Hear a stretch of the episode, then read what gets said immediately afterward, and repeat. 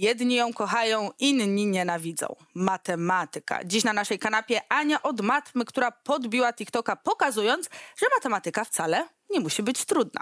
Cześć Ania. Elo Gwiazdy. Elo Gwiazdy! To już jest twoje takie chyba klasyczne przywitanie, Tak. co? Mm, no właśnie, matematyka. Ja przyznam szczerze, że jak pamiętam matematykę z podstawówki, to nawet powiedzmy, że ją lubiłam. Schody zaczęły się później. Kiedy ta matematyka, no właśnie, czy ona w tych starszych klasach jest trudniejsza, czy to jest kwestia tego, że nauczyciele po prostu nie potrafią nas jej nauczyć? Z czego to wynika, że my nie lubimy tej matematyki? No na pewno jest to kwestia też indywidualna, ale uważam, że dzieci, które jeszcze nie poszły do szkoły, o wiele bardziej kochają matematykę niż te, które gdzieś tam dostały, można powiedzieć tak kolokwialnie, po głowie. E, no bo niestety ta ciekawość świata, ciekawość matematyki jest bardzo często zabi- zabijana w pierwszych trzech klasach i są nawet badania na ten temat zrobione.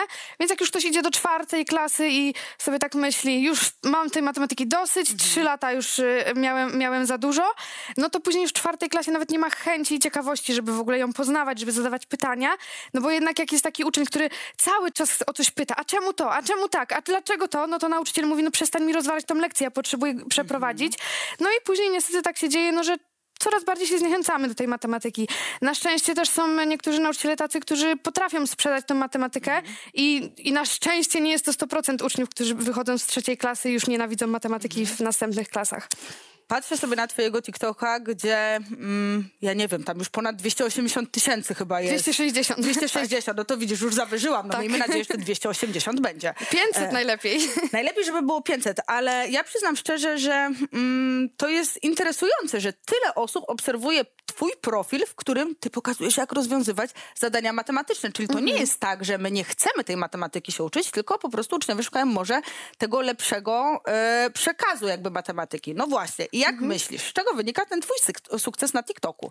Że tyle dzieci, jakby dzieci, nastolatków, młodzieży cię ogląda. Nawet rodziców. Nawet rodziców. E, myślę, że też z tego, że ja jednak dużo rzeczy upraszczam. E, to nie, ja, ja nie wykładam takiej teorii matematycznej takim językiem matematycznym, e, czy tak też tak uczniowie czasami mówią, że w klasie to jest jakby po chińsku do mnie mówili, tylko ja e, staram się tak, można powiedzieć, no na chłopski rozum to wszystko wytłumaczyć, skąd się to bierze.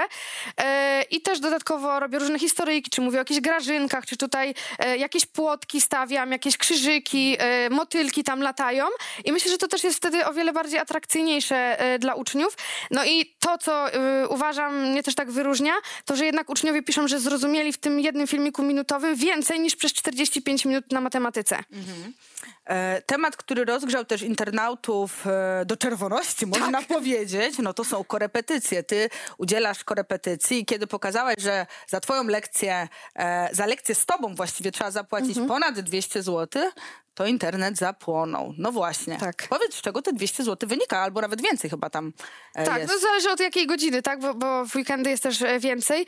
E, No wynika też to z tego, że ja jak miałam 11 lat, to zaczęłam pierwsze tłumaczyć siostrze matematykę i już mam ponad 20 lat doświadczenia, jak opowiadam o tej matematyce. No i też uważam, że ono, ona też wynika z tego, że ja jednak inwestuję też w swój rozwój. To nie jest tak, że ja po prostu 20 lat temu nauczyłam się tej matematyki i nic więcej nie robię, no bo świat się też zmienia. E, No wiadomo, że ja też prowadzę korepetycje legalnie, więc mnie nie omijają podatki i inne różne rzeczy. E, I mój biznes też już trochę jest na wyższym poziomie niż tak, tacy korepetytorzy, którzy zaczynają, bo ja mam platformę zbudowaną, tą Pirazy Drzwi e, i tam można się uczyć matematyki kursami z kursów. E, No i muszę zapłacić też za programistów, za asystentkę, dlatego też to wynika z tego, ta cena.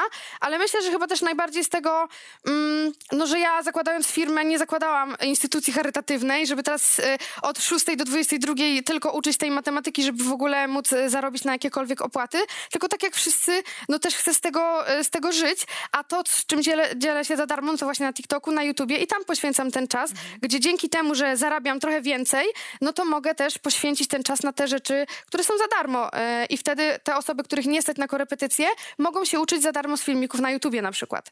To jak duże jest zainteresowanie tymi twoimi korepetycjami? Czy to jest tak, że masz, nie wiem, pięciu uczniów dziennie, czy jak to E, wygląda? Najwięcej godzin mam 8, e, 8 godzin w jeden dzień, e, ale już uważam, że jakby po tym, jak zawrzało w internecie i, i hejt się polał, to ja mam jeszcze więcej uczniów i stwierdzam, że muszę jeszcze tą stawkę wyżej e, podwyższyć, ponieważ e, ja nie chcę e, pracować na samych korepetycjach indywidualnych, tylko po to stworzyłam platformę, żeby jednak też uwolnić ten swój czas. No bo jak chcę mieć rodzinę, no to też chcę mieć czas dla tej rodziny, Wiadomo. a nie, e, nie tylko siedzieć i uczyć matematyki. Ja oczywiście kocham matematykę i byśmy tutaj mogły rozmawiać ze trzy godziny albo i cztery, nawet do jutra, e, ale też muszę pomyśleć o tym, o swoim zdrowiu i, i też, że chcę spędzać czas też inaczej, nie tylko siedząc na korepetycjach. Ja widzę tą twoją wielką pasję do matematyki i ci ogromnie zazdroszczę, bo ja przyznam szczerze, że matematyka nie było nam po drodze e, razem. No ale właśnie, zmieniła nam się władza. Przejdę sobie mhm. teraz w ogóle do systemu jakby szkolnictwa. Wiem, że ty przez chwilę pracowałaś w szkole. Mhm. Mm, zmieniła nam się władza, są nowe zapowiedzi.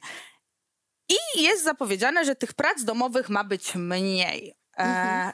Czy w kwestii matematyki brak prac domowych jest dobry, czy nie? No ja sw ze swojej perspektywy ja nigdy nie zadawałam zadań domowych e, i uważam, że jest dobry, bo jak jestem zmuszana do czegoś, mhm. nawet jakby mnie ktoś zmuszał, że nie wiem, mam chodzić na siłownię, to ja tym bardziej tego nie będę chciała robić.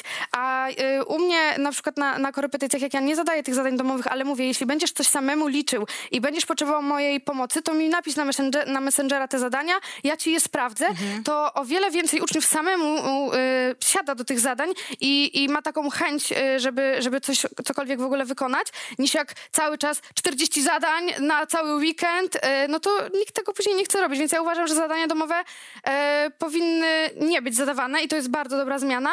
E, a jeśli chodzi o nauczycieli, no to... Mm, Myślę, że mentalność tutaj mhm. powinna być zmieniona, no bo co z tego, że nie będzie zadań domowych, jak ja przecież jak nie zadam zadania domowego, to ja mogę i tak odpytać tego ucznia z tego, mhm. co miało być e, dla chętnych w zadania domowych, więc i tak, i tak jak ktoś nie będzie chciał e, zrobić tych zadań domowych, e, no to i tak może to inaczej sprawdzić i jak nie będzie lubił jakiegoś ucznia, no to niestety... To niestety i tak, to go, usadzi. Tak go usadzi. Tak, czy I tak będą tak te usadzi. zadania domowe, czy nie. Jestem też ciekawa, jakie masz zdanie na temat e, podstawy programowej, bo mhm. przychodzi taki moment, gdzie uczniowie sami stwierdzają, e, że tego jest za dużo, to po mhm. pierwsze, a po drugie, żyjemy w czasach, gdzie część rzeczy możemy sprawdzić w internecie. Nie musimy jakby kuć ich na pamięć. Mhm. I czy tą podstawę programową z matematyki powinno się odchudzić w jakiś sposób? Na pewno są tematy, które, które w ogóle się nie, nigdy nie przydadzą, e, ale dodatkowo... A jakie to są tematy, które no, nigdy przykład, nam się no, nie przydadzą? No logarytmy, jak nie, jak nie zostanę jakimś tam architektem, czy nie będę miała jakiegoś takiego zawodu, gdzie, gdzie faktycznie jest to potrzebne, no to w większości nikt tego nie użyje. Przecież ja nie, nawet ja gotując nie, nie liczę sobie, a logarytm o podstawie 2 z 4 to będzie tyle, bo nie wiem ile tego makaronu mam wrzucić do tej mm -hmm. zupy, tak? No nie robimy tego, e, więc trochę powinno to zostać odchudzone, mm, ale uważam, że lepiej gdyby e, było to lepiej tłumaczone. Mhm. Nawet jeśli by miała zostać ta podstawa programowa taka, jaka jest, to żeby było jednak konkretniej i żeby nie stawiano też na kucie tych wszystkich twierdzeń, tylko na umiejętność zastosowania ich w życiu. No właśnie, bo my nie umiemy ich stosować w życiu. Ja pamiętam, jak na maturze e, dostałam kartę wzorów i co mi po tym, że ja dostałam kartę wzorów, jak ja nie, nie miałam pojęcia tak naprawdę, gdzie mam ich użyć i w jakich mhm. e, sytuacjach podczas tej matury one mi się przydadzą, ale jak już jesteśmy przy maturze. Mhm. Matura wróciła jako obowiązkowa w 2000 bodajże 10 roku. E, wcześniej przez 20 parę lat była nieobowiązkowa. Mhm. No właśnie, i co z tą matematyką zrobić? Czy ona powinna być obowiązkowa? Bo uczniowie myśląc o maturze z matematyki mają ścisk w żołądku, mhm. że jeśli nie zdadzą, no to ich plany jakby związane ze studiami się posypią. Mhm. No ja uważam, że powinna zostać obowiązkowa, bo chociaż dlatego, że jest obowiązkowa, to, je, to też nauczyciele się lepiej trochę przykładają, mhm. żeby ją tłumaczyć. No a jednak matematyka y, uczy logicznego myślenia, więc y, dobrze by było, gdyby społeczeństwo też umiało ocenić, że jak ktoś mi mówi, że to jest czarne, ja widzę, że to jest białe, to żebym ja potrafiła to ocenić, że to jest faktycznie białe, a nie tylko dlatego, że ktoś mi powiedział, że to takie mhm. jest. Y, żeby to też takie krytyczne myślenie y, się też Y, tworzyło, no bo y, jak to się mówi tak, jak społeczeństwo y, coraz mniej wie, to jest łatwiej nimi manipulować. manipulować Dlatego też matematyka powinna zostać, no z tego też względu, żeby była jakościowo uczona, a nie tak jak, jak inne przedmioty, które nie są maturalne gdzieś tam, dobra, to, to ja ci postawię tą dwójkę i tak nie będzie tego mhm. na maturze, już jakoś tam sobie zdasz.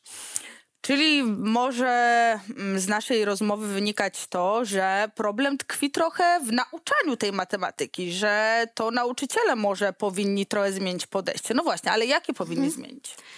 No myślę, że przede wszystkim e, powinni też wzmacniać uczniów bardzo tak pozytywnie, Mhm. a nie negatywnie krytykując i mówiąc ty niczego w życiu nie osiągniesz, ty debilu jeden i tam różne inne, e, które ja słyszę od uczniów, który, którzy, którzy słyszą.